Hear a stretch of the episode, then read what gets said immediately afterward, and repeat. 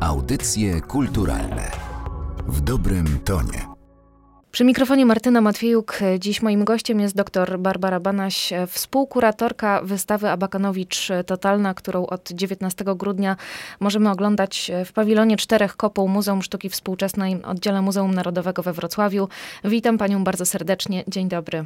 Dzień dobry, witam. Wystawa Abakanowicz Totalna to rzeczywiście iście totalna wystawa, bo pokazująca pełen zbiór prac Magdaleny Abakanowicz, będący w posiadaniu muzeum. To niemal 4 400 obiektów.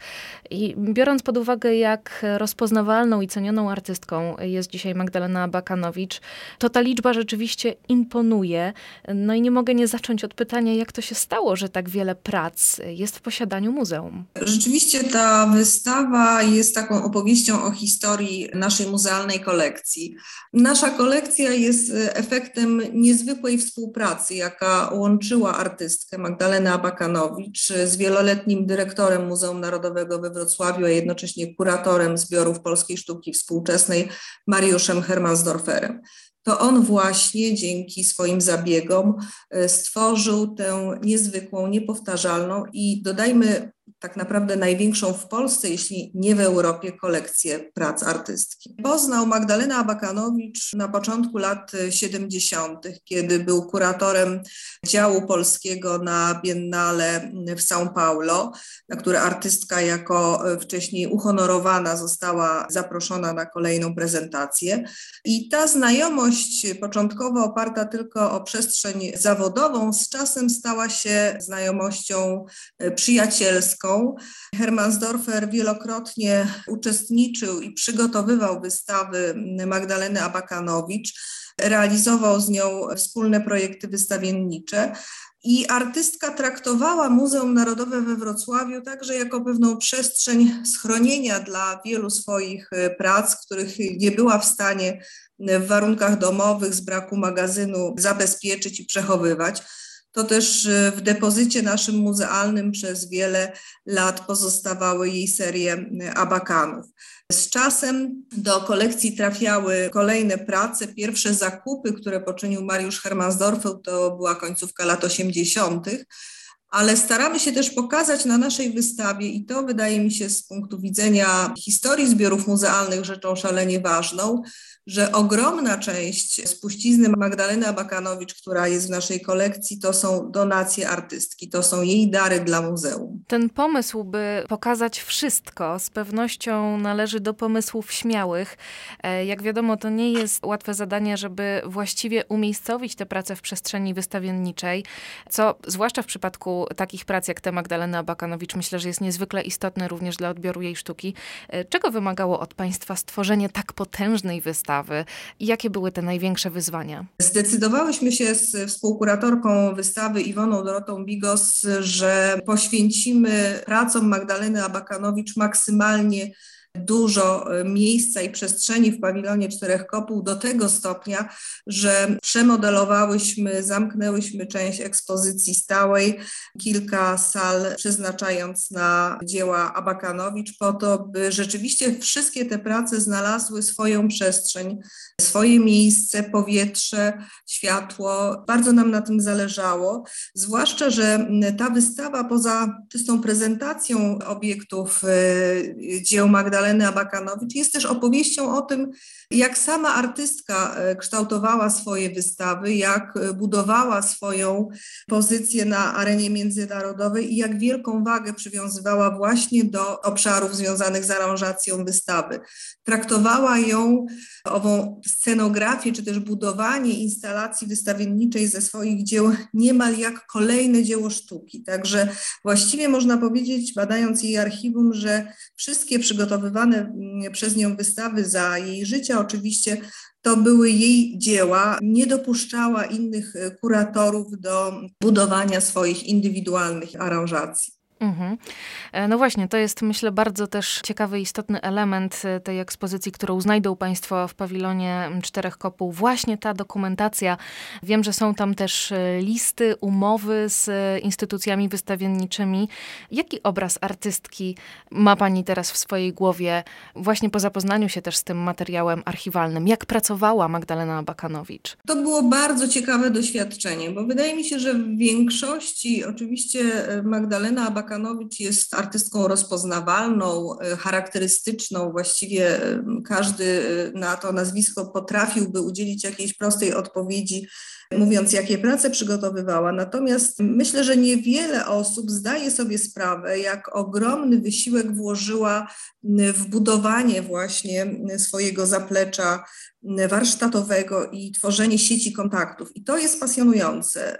Ta niezwykła samoświadomość artystki i tytaniczna wręcz pracowitość.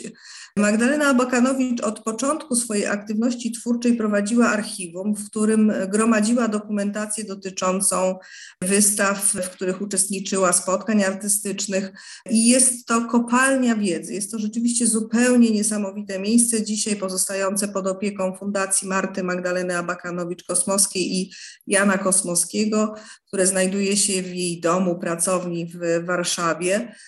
Miałyśmy wspólnie z Iwoną Dorotą Bigos możliwość i przyjemność bardzo, powiedziałabym, szybkiego poznawania tego archiwum, ale wybrałyśmy z niego wątki, które wydaje nam się pozwalają zaobserwować, jak zmieniał się sposób pracy Magdaleny Abakanowicz, jak ona dojrzewała jako artystka, która właśnie była niejako tak naprawdę menadżerem samej siebie. Od lat 60., przez 70., przez 80.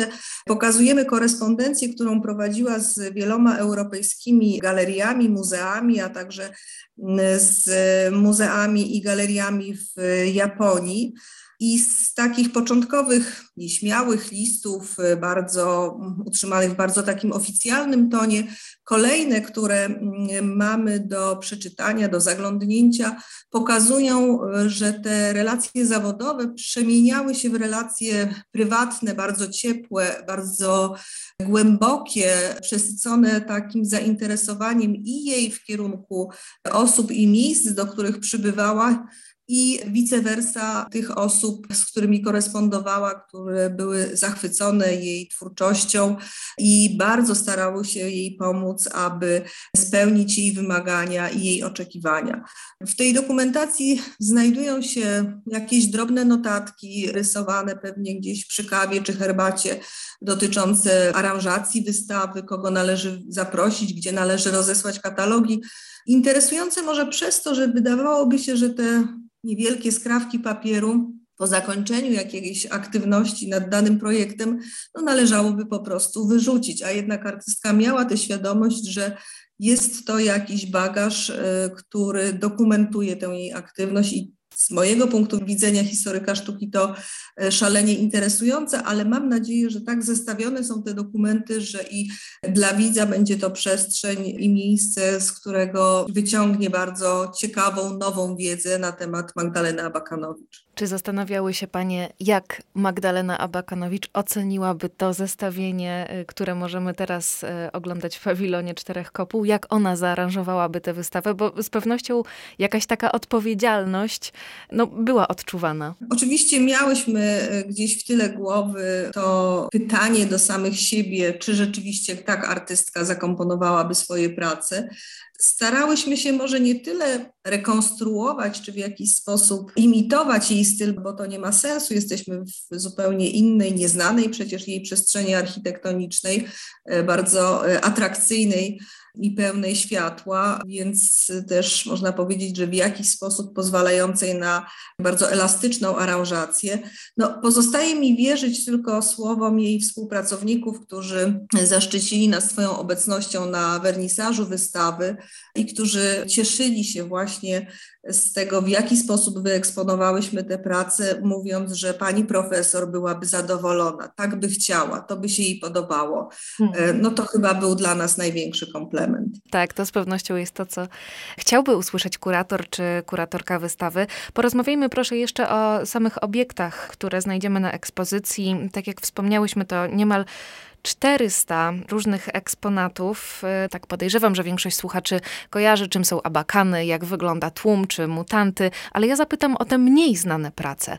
Co takiego ciekawego możemy tam znaleźć, co prawdopodobnie e, zaskoczy odbiorców wystawy? No myślę, że dla wszystkich, czy dla dużej większości niespodzianką będzie prezentacja zupełnie unikatowego dzieła Magdaleny Abakanowicz, bo tych prac z naszej wiedzy zachować się mogło na świecie dwie, może trzy, przy czym żadna z, poza tą wrocławską nie znajduje się w kolekcji muzealnej, a mianowicie praca Koło z liną, którą Magdalena Abakanowicz pokazywała w roku 80 w pawilonie polskim na Biennale w Wenecji, natomiast sama praca jest wcześniejsza z lat 70., początku lat 70.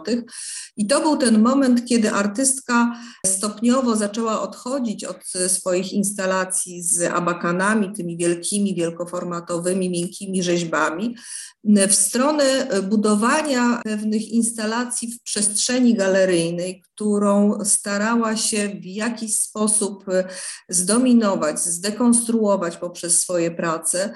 I takim elementem rzeźbiarskim, wypełniającym przestrzeń galerii było właśnie wielkie drewniane koło rozpiętości kół 3 metry, więc jest to rzeczywiście kolos, który wypełnia salę. I na to koło nawinięta jest wielka, gruba, okrętowa lina, która pełznie po posadce, przechodzi do kolejnych pomieszczeń. My oczywiście w muzealnych realiach nie możemy stworzyć tej namiastki pewnej haptyczności owych obiektów, tak jak życzyłaby sobie tego Abakanowicz, która chciałaby widzowie mieli trudność w mm, przechodzeniu przez kolejne sale, właśnie musieli się ocierać o oweliny czy abakany. Jak wiadomo, w muzeum eksponatów dotykać nie można i my też musimy dbać o ich kondycję, ale wydaje mi się, że ta praca rzeczywiście znajdująca się na zamknięciu jednej z osi ekspozycyjnych jest takim bardzo mocnym, wyrazistym e, akcentem. Ale mamy też prace szalenie kameralne i od takiej pracy można powiedzieć, że dla twórczości Abakanowicz wyjątkowej rozpoczynamy nasze spotkanie z nią w pierwszej sali, gdzie pokazujemy cykl głów portrety anonimowe. Jak zapewne nasi słuchacze wiedzą, tłum czy plecy Magdaleny Abakanowicz to korpusy ludzkie pozbawione właśnie tego elementu głowy. Ona od niego w jakiś sposób uciekała E, by w pewnym momencie zainteresować się właśnie twarzą, rysami twarzy, które w jakiś sposób z tego ujęcia realistycznego deformowała, dekonstruowała, używała do odlewu tych prac początkowo swojej własnej twarzy. I w tej pierwszej sali e, konfrontujemy ten bardzo wczesny cykl portretów anonimowych z taką projekcją multimedialną, z portretami artystki od wczesnego dzieciństwa po dojrzałość. Wydaje mi się, że to jest takie miejsce, które pozwala jak gdyby widzowi wejść y, w atmosferę tej wystawy, w jakiś sposób wyciszyć się od tego zgiełku zewnętrznego i wejść w świat Magdaleny Abakanowicz. Ja pamiętam, że kiedy pierwszy raz widziałam abakany, to bardzo trudno było mi opanować tę chęć właśnie przytulenia się do nich, wtulenia, dotknięcia.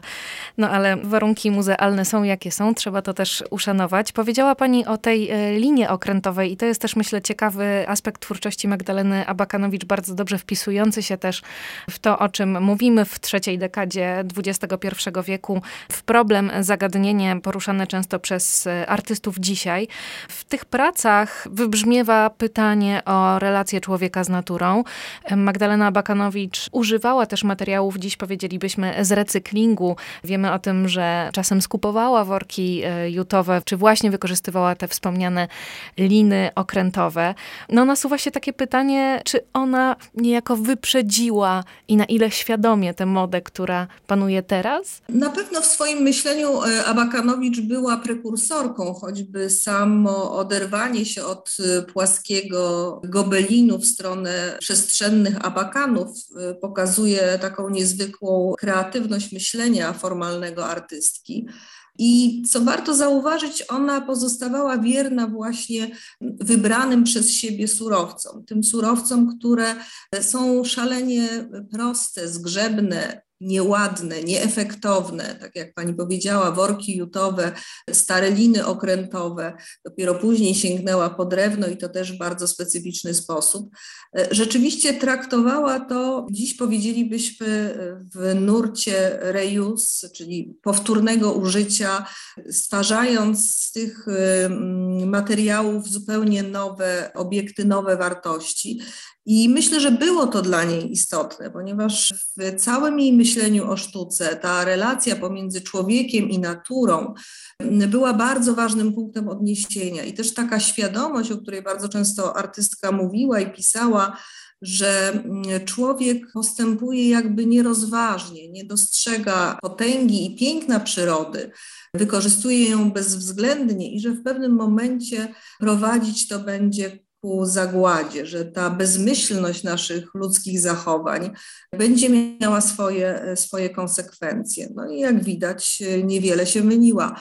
Ważnym elementem tej propozycji wystawienniczej to jest koncepcja architektoniczna, którą zaproponowała Abakanowicz w 1991 roku, startując w konkursie na zagospodarowanie Paryża, jednej z dzielnic Paryża, proponując tak zwaną e, architekturę arborealną, gdzie domy miały przypominać swoim kształtem drzewa i stawać się jak gdyby takimi samowystarczalnymi e, organizmami, które będą korzystały z wody, energii słońca, przetwarzały, recyklingowały recyklingowały to, co człowiek e, produkuje. Bardzo ciekawy pomysł, który dzisiaj w jakimś stopniu rzeczywiście znajduje swoje spełnienie we współczesnych realizacjach architektonicznych. Tak, to prawda. Zupełnie jakbym widziała współczesny projekt.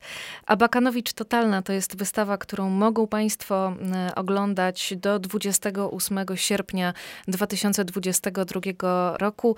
Jest ona dostępna w pawilonie Czterech Kopuł Muzeum Sztuki Współczesnej, czyli oddziale Muzeum Narodowego we Wrocławiu. Dziś e, o tej ekspozycji opowiadała w audycjach kulturalnych e, współkuratorka dr Barbara Banaś. Bardzo dziękuję Pani za to to nasze spotkanie. Dziękuję bardzo i zapraszam Państwa do Wrocławia. Audycje kulturalne w dobrym tonie.